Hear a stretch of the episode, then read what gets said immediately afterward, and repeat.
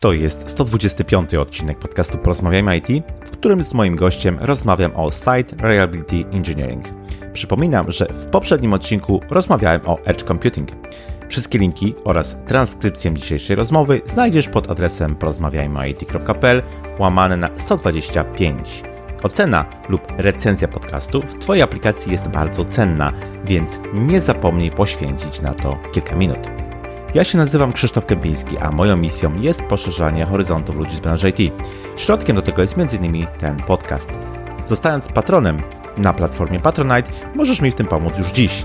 Wejdź na porozmawiajmyoit.pl łamane na wspieram i sprawdź szczegóły. Jednocześnie bardzo dziękuję moim obecnym patronom. A teraz życzę Ci już miłego słuchania. Odpalamy.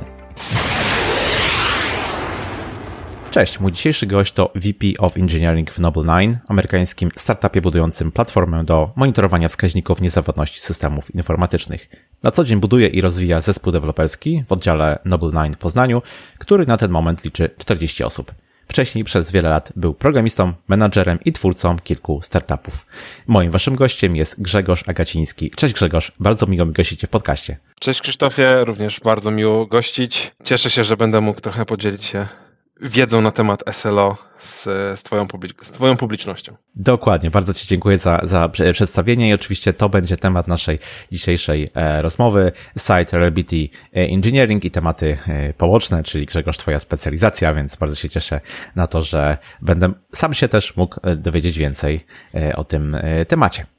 Ale chciałbym rozpocząć standardowo, jak e, każdy podcast, e, który jest tutaj moim e, też udziałem, czyli zapytać Cię, Grzegorz, czy Ty słuchasz podcastów? Jeśli tak, to może masz jakieś swoje ulubione, którymi mógłbyś tutaj się podzielić ze słuchaczami? Ogólnie to nie mam za wiele czasu na słuchanie. Muszę przyznać, że preferuję też trochę bardziej wizualną formę przekazu.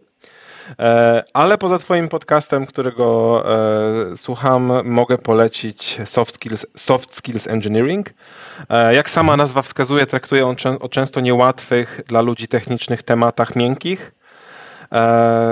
Bardzo polecam podwyżki, awanse, różne tematy, mhm. różne pytania można zadawać i są poruszane w zabawny sposób. E, a także mhm. polecam e, podcast e, mojego kolegi, który się nazywa Internet Czas Działać. Jest to podcast o prywatności, prawach użytkowników i szeroko rozumianej wolności w internecie.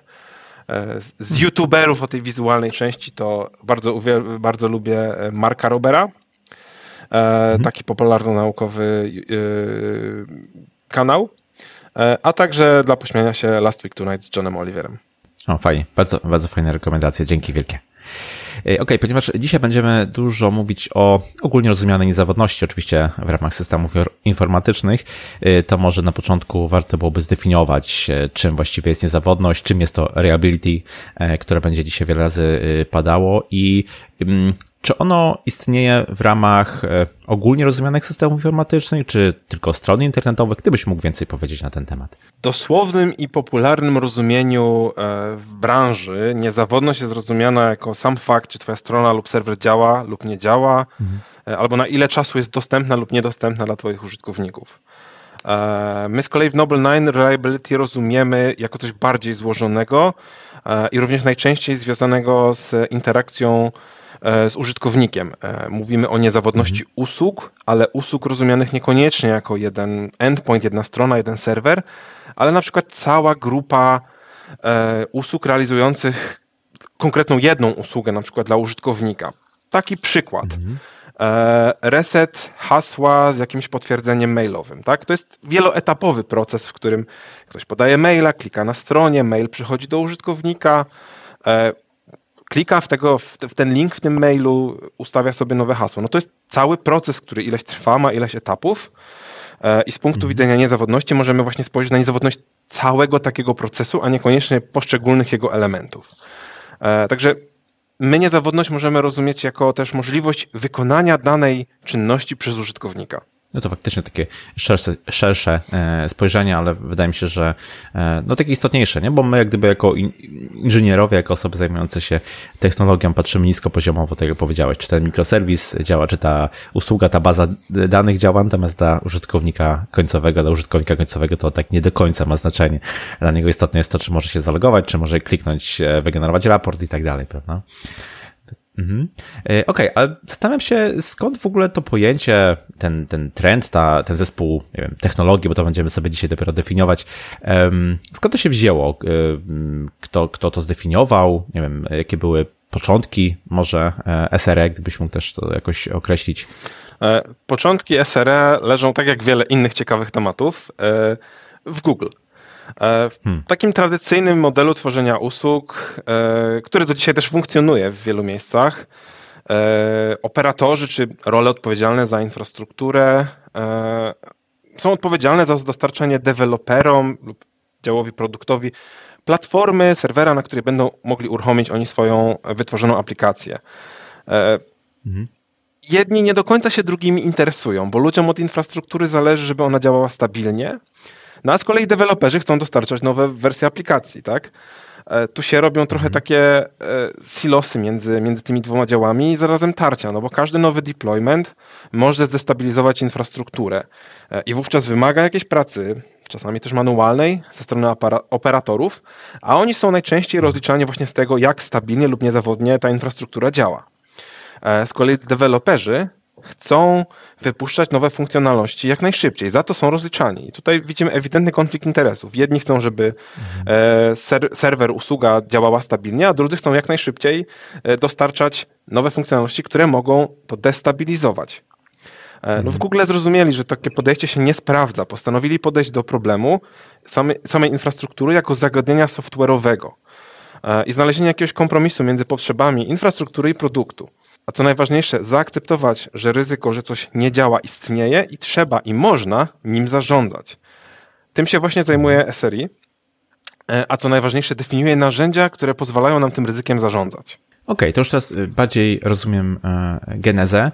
No i faktycznie, tak jak powiedziałeś, jeśli to się narodziło e, w Google, to pewnie strona była e, tym produktem, który, który musiał być monitorowany, nadzorowany, jeśli chodzi właśnie o niezawodność, ale też zastanawiam się, czy w tym obecnym świecie technologicznym, gdyby tylko ograniczamy się do stron internetowych, właśnie jeśli chodzi o e, SRE czy SRI, zależy w jakim języku sobie ten skrót czytamy, e, czy, czy też na przykład takie rzeczy jak aplikacja mobilna, jak jakieś API publiczne i tak dalej, które też są jakimiś produktami informatycznymi, czy, czy tutaj te mechanizmy, o których e, powiedziałeś, te narzędzia też obejmują ten, ten zakres technologii? Wszystko tak naprawdę, co nazywamy usługą można, można monitorować. I tak naprawdę mhm. e, realnie to można się nawet nie ograniczać tutaj do, do IT.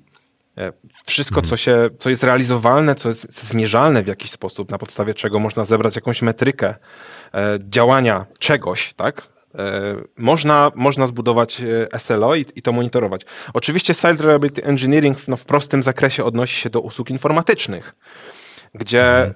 jakby pod zbiorem usług informatycznych jest ta wspomniana strona www, ale mogą to być również inne mikroserwisy, jakieś joby działające w tle, przetwarzające dane batchowo.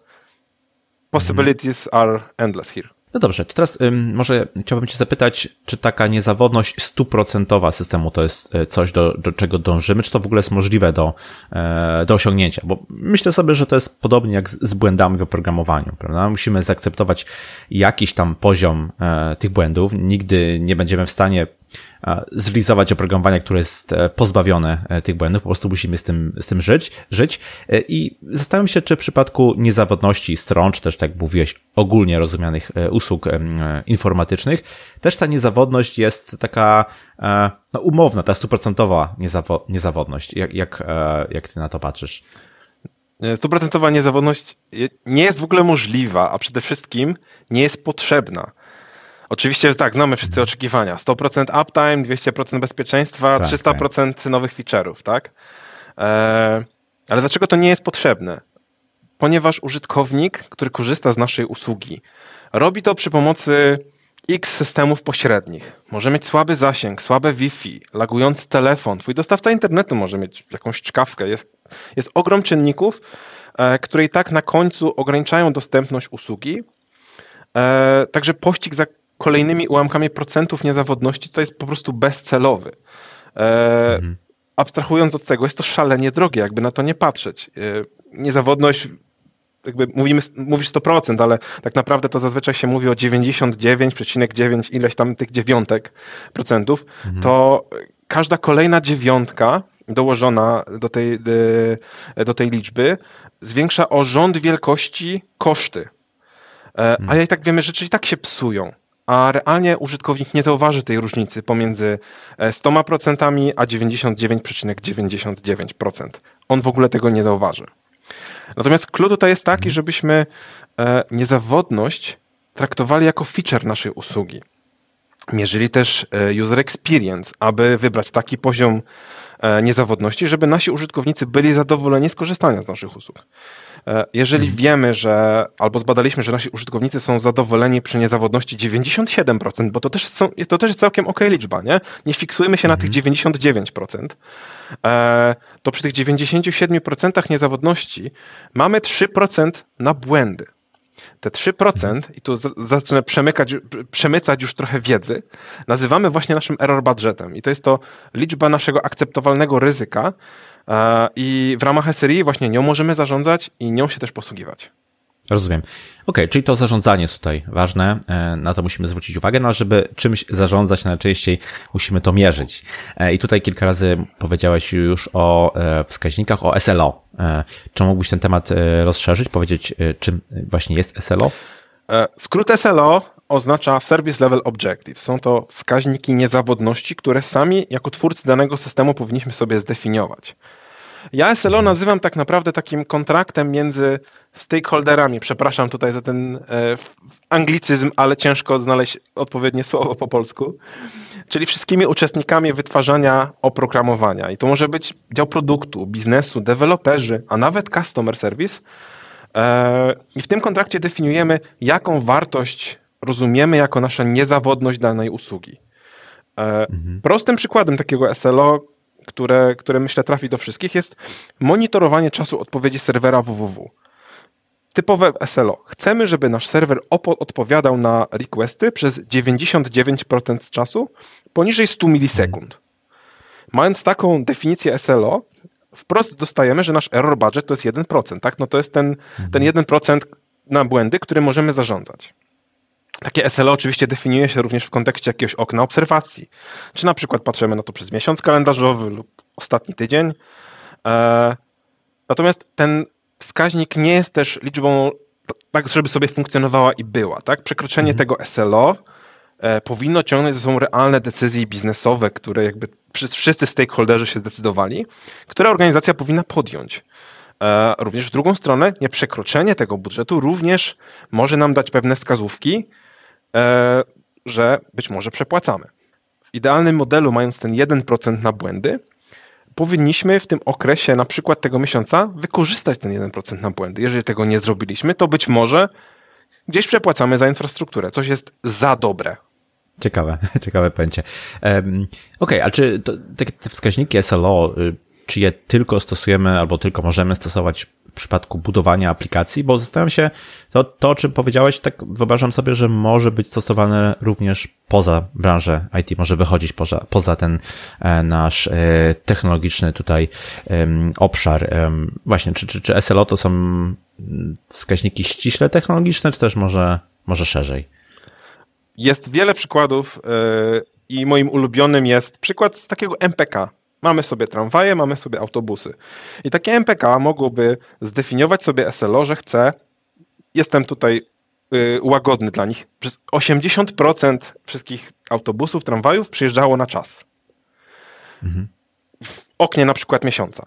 I teraz, jeżeli nie przejeżdża na czas te 80%, no to tu MPK mogłoby podjąć realną decyzję, Musimy zrobić, nie wiem, żeby częściej jeździły, trochę zmienić rozkład, bo no, klienci są niezadowoleni, wiemy, że są niezadowoleni, e, bo nam to zgłaszają i to jakoś badamy, więc musimy zadziałać. No i w drugą stronę, jeżeli e, te, w ogóle nie, nie, przekraczamy tego 80%, ci użytkownicy, są, ci użytkownicy, ci pasażerowie są zadowoleni, wszystko jeździ na czas, to może można na przykład zrobić dodatkową minutę przerwy między autobusami, dwie minuty, czyli puścić ich mniej. Mhm. Widzę, dążymy w celem optymalizacji no, kasy, no, mniej autobusów i rzadziej będą jeździć.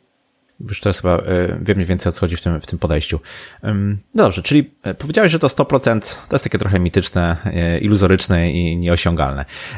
To zatem jak, jak procentowo tutaj te oczekiwania można by było ująć? Jeśli nie 100%, to, to ile? I czy takie ujęcie sprawy jest no, takie bardzo odgórne, w sensie, że ktoś po prostu przyjmuje jakąś tam wartość i do niej, do niej gdzieś tam próbujemy dorównać, czy też może najpierw badamy, gdzie jesteśmy i próbujemy e, gdzieś wyznaczyć, co jest realne, co jest pewnym ulepszeniem w stosunku do bieżącej sytuacji, e, czymś, do, do czego chcemy dążyć w następnym e, kroku. Jak się, jak się takie czynniki procentowe najczęściej definiuje? No nie ma tutaj jednej prostej odpowiedzi. Wszystko zależy od tego, co robimy, zależy jakie decyzje biznesowe podejmujemy albo chcemy, pode albo chcemy podejmować. E, bardzo często to jest tak, jeżeli już zaczynamy ten temat i zastanawiamy się, jakie liczby tutaj poustawiać, to ustawiamy sobie to SLO takie bardziej luźne, jakieś właśnie nie te 100%, czy tam bliżej tego 90, 99, tylko może 90 i popatrzmy. E, obserwacja jest tutaj ważnym elementem e, tego, jakie, jaka ta wartość liczbowa powinna być i jak ją ustawić. Natomiast celem jest tak naprawdę optymalizacja tego, E, i znalezienie takiego złotego środka, abyśmy mogli dodawać nowe funkcjonalności do naszego systemu jak najszybciej, z zachowaniem stabilności działania tego systemu, no i jednocześnie przy, przy, przy okazji tych optymalnych kosztach, już o tym co mówiłem, że może nie musimy za dużo też za tą infrastrukturę przepłacać. To jest taki mhm. złoty środek, który niestety każdy musi znaleźć sam i znaleźć taką liczbę, która e, jest to takie trochę wbrew, wbrew IT można powiedzieć, jest good enough. Co jest good enough, czy mhm. użytkownicy będą zadowoleni, my będziemy wystarczająco szybko dokładać nowych feature'ów, wszystko będzie działać tak jak chcemy, no i jeszcze będziemy w tym przypadku e, dostarczać to za optymalne pieniądze. E, to nie jest hmm. trywialne zadanie. Inżynierom w Google to zajmuje miesiąc, zdefiniowanie takiego jednego SLO dla jakichś nowych usług. No jest to współpraca hmm. też wielu stakeholderów, wielu działów, które muszą ze sobą współpracować, żeby to ustalić. Okej. Okay. Na początku mówiłeś, że ta niezawodność może być widziana jako tak całościowo, prawda? Na przykład jak użytkownik e, odbiera, jak, jak, jakie ma doświadczenia z korzystania z jakiejś usługi, strony i tak dalej, i tak dalej, e, na ile to jest e, niezawodne. Mm, to potrafię zrozumieć z punktu widzenia użytkownika, gdyby on jest zainteresowany tym, żeby systemy, z których korzysta, działały jak najbardziej niezawodnie. Natomiast jak to wygląda z punktu widzenia dewelopera? Czy, czy co, co daje deweloperom właśnie tworzenie produktów w tym modelu SRE? Tak naprawdę każdy użytkownik e, takiej organizacji może na tym skorzystać. Tak? Organizacje, które zdecydowały się na budowanie produktów w tym modele, e, potrafią podejmować realne decyzje biznesowe na podstawie jakichś metryk IT. E, dla ról inżynierskich, dla deweloperów jest to o tyle ważne, że dzięki monitorowaniu SLO inżynierowie mają konkretne metryki, no taki oręż w ręku, E, i wymierne wskaźniki, argumenty ułatwiające podejmowanie decyzji technicznych, e, które no oczywiście powinny podążać za potrzebami biznesowymi. E, bo na koniec dnia no, produkt ma przecież przynosić zyski jego twórcom, tak? Jeżeli wypalamy SLO, jeżeli ustaliśmy, że chcemy mieć te 99%, ale my ciągle to przepalamy, to znaczy, że musimy się zatrzymać z rozwojem i skupić na poprawie stabilności. Jeżeli go w ogóle nie wypalamy i nic złego się przez dłuższy czas nie dzieje, no to znaczy, że może przepłacamy za infrastrukturę. To już, jak już mówiłem wcześniej, i, i może gdzieś tu możemy zredukować koszty. E, mhm. Jest to o tyle korzystne dla deweloperów, że on, mając takie wskaźniki i organizację, która idzie w tym modelu, mówi wprost, słuchajcie, wypalamy to, teraz musimy zająć się długiem technologicznym, albo wszystko jest ok, lecimy dalej z featureami, możemy działać może jeszcze szybciej, może gdzieś możemy trochę przeoszczędzić. Ten model się po prostu mhm. opłaca. Okej, okay, no tak, na, na, koniec dnia e, to się chyba liczy najbardziej. Tak, i ta organizacja się, wiesz, ta organizacja się też nie mota Aha. trochę, nie? Ma realne, jasne, realne jasne. kroki, które może podjąć, e, nie zastanawiając się e, za wiele, czy, czy to jest dobre, czy to jest złe, bo liczby im to mówią. Właśnie to bazowanie na danych jest obecnie mega kluczowe, nie? żeby jednak jak najszybciej reagować na pewne zmiany w ramach e, rynku, w którym się firma porusza zazwyczaj bardzo konkurencyjnego rynku, ten time to market i reagowanie na potrzeby e, użytkowników często to jest e, przetrwanie dla, dla, dla firmy, więc, więc faktycznie bazowanie na tych, na tych danych jest ważne. Okej, okay, mówimy tutaj gdyby o takim podejściu e, SRE, tak? O tym, że, że patrzymy sobie na te nasze wskaźniki SLO, e, robimy jakąś, analiz jakąś analizę, ewentualnie robimy jakąś e, reakcję. Natomiast jeśli chodzi o SRE, no to możemy również mówić o, inżynier o inżynierze, który, który zajmuje się właśnie SRE, prawda? I chciałbym Cię zapytać, jakie kompetencje posiada taki człowiek, jaki ma background zawodowy, jak wygląda jego praca? No, SRE to rola, która tak najczęściej wywodzi się z DevOps i Google samo definiuje. SRI jako rola, która wprowadza w życie praktyki DevOps.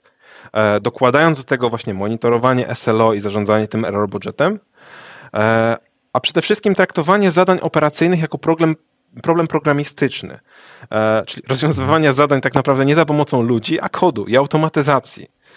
Mhm. Żeby to dobrze robić, taka rola jest też zdecydowanie bliżej aplikacji, bliżej deweloperów. E, nic nie stoi na przeszkodzie, żeby e, taki SRI również jakiś feature do aplikacji napisał. Nie ma żadnego problemu. E, rola ta mhm. jest właśnie przez to też mocniej, zdecydowanie mocniej skierowana w stronę rozumienia zadowolenia klienta i w ogóle samego użytkownika. Co do takiego backgroundu, to odpowiedziałbym w ten sposób, że jeśli infrastruktura nie jest ci obca i umiesz programować w języku, który sprawi, że będziesz w stanie zautomatyzować powtarzalne czynności, to jesteś na dobrej drodze. Okej, okay, wszystko, wszystko jasne. Um, tak sobie myślę, że relatywnie niewiele firm jeszcze korzysta z tego, z tego modelu. E, I, i zastanawiam się, czy to, czy to wynika z tego, że to jest domena dużych graczy, typu, typu e, Google, taki, wiesz, e, moment w rozwoju, kiedy już się opłaca inwestować po prostu w rozwój takiego, e, takiego działu. I jak ze swoich e, obserwacji tutaj możesz e, wnioskować? Czy to tylko duże firmy inwestują, czy też może jest jakaś duża bariera wejścia? Skąd, skąd wynika jeszcze no, relatywnie nieduże zainteresowanie tym, tym podejściem? Pozwolę sobie zacytować książkę z Google'a o odnośnie SRI.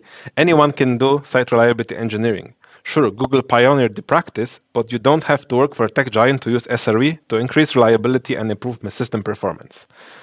To tak mhm. tytułem wstępu, ale no mierzenie i monitorowanie SLO wcale nie jest takie proste.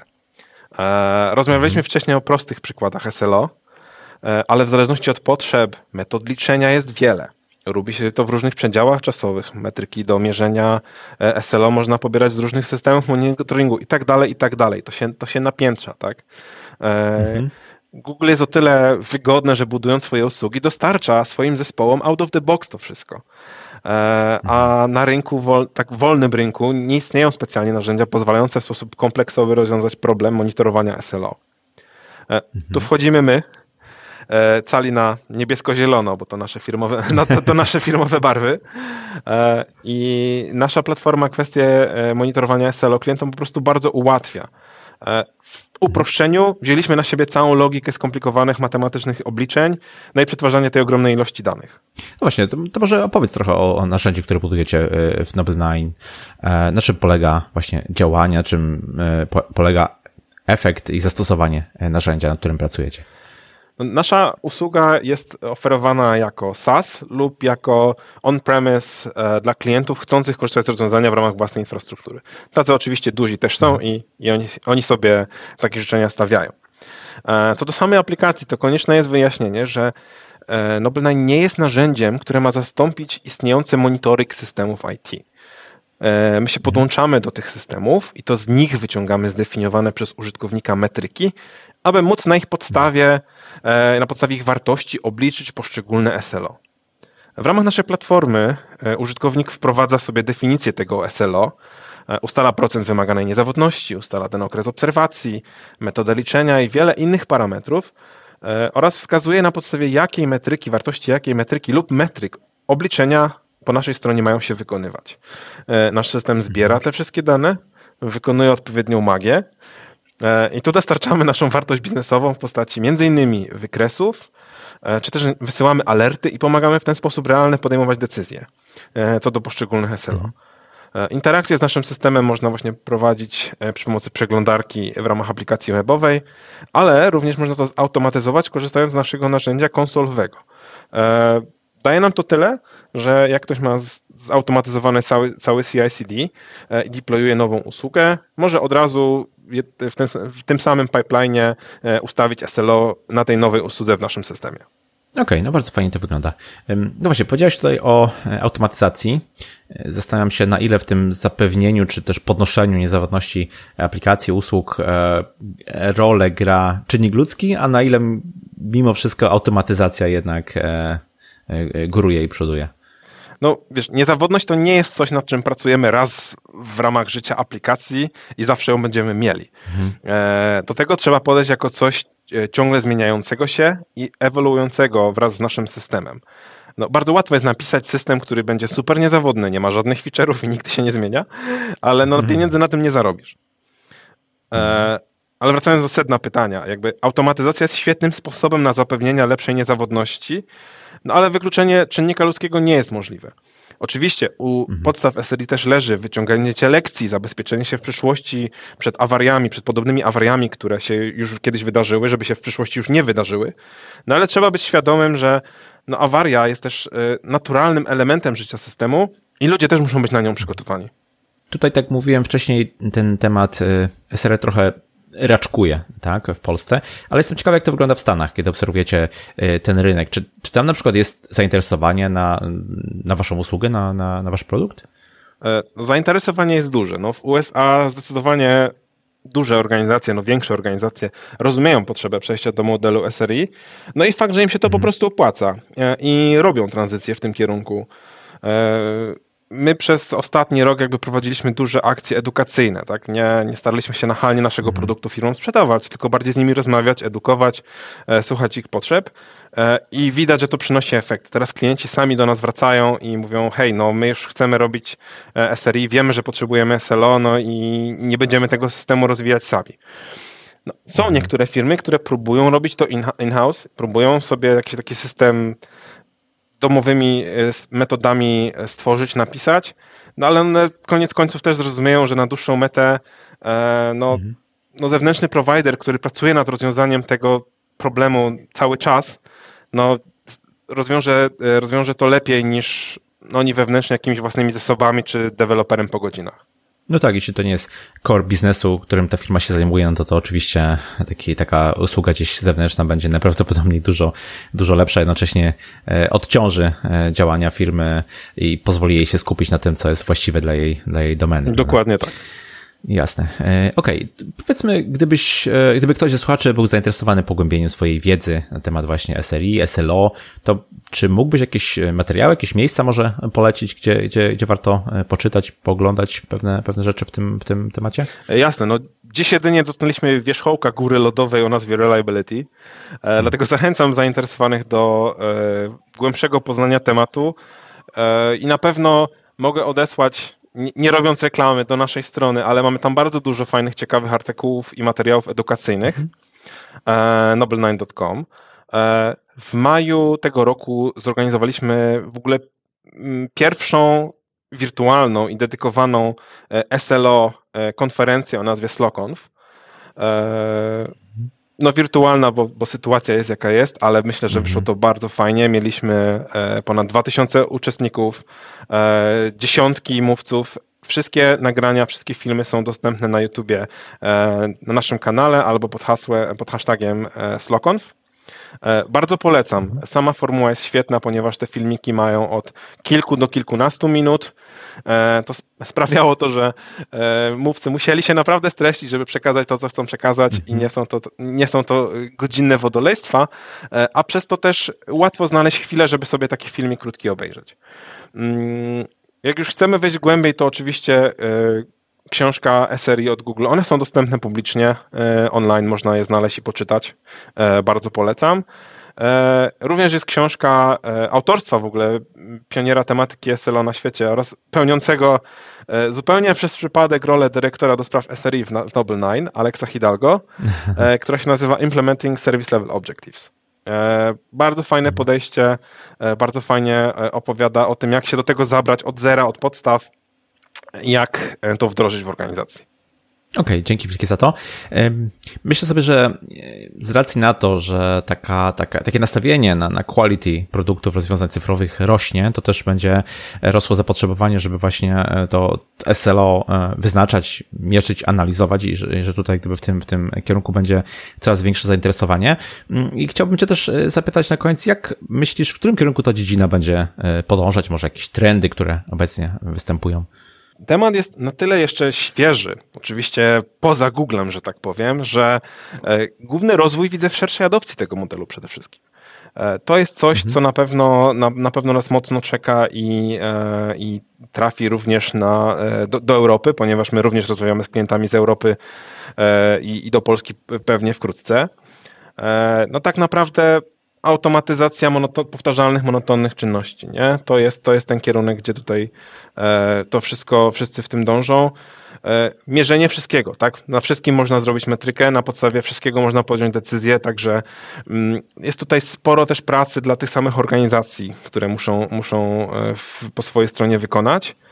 E, mhm. A realnie no, znajdywanie tego złotego środka, tego, tego takiego e, optimum między niezawodnością, między dostępnością tej usługi, e, między budżetem i tempem dostarczania, jakby to się po prostu opłaca, tak? Jakby tutaj jest taki próg mentalny do, do pokonania e, dla firm, które muszą zrozumieć, że, że te, to się na dłuższą metę im opłaca e, i na pewno mhm. będą, będą e, tą metodę wdrażać. I wcale nie trzeba być wielkim gigantem, e, każdy może się tym zająć, no a, a chcąc, nie chcąc, no to zadowolony użytkownik no, będzie płacił za Twoją usługę. Tak jest, bardzo dobre podsumowanie. Grzegorz, ja Ci bardzo dziękuję za rozmowę, za takie przystępne przedstawienie tego tematu. Dzięki za poświęcony czas i powiedz proszę jeszcze na koniec, gdzie Cię można znaleźć w internecie, jak się z Tobą skontaktować. Znaleźć mnie można na pewno na LinkedIn.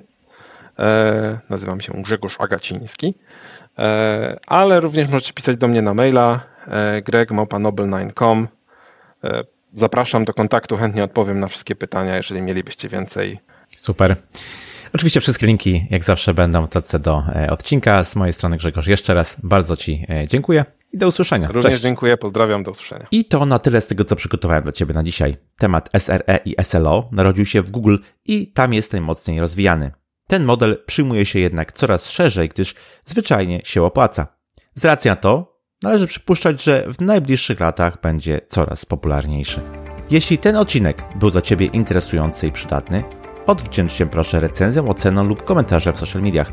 Jeśli masz jakieś pytania, pisz śmiało na krzysztofmapa.porozmawiajmy.it.pl Zapraszam też do moich mediów społecznościowych. Ja się nazywam Krzysztof Kępiński, a to był odcinek podcastu Porozmawiajmy IT o Site Reliability Engineering. Zapraszam do kolejnego odcinka już za tydzień. Cześć!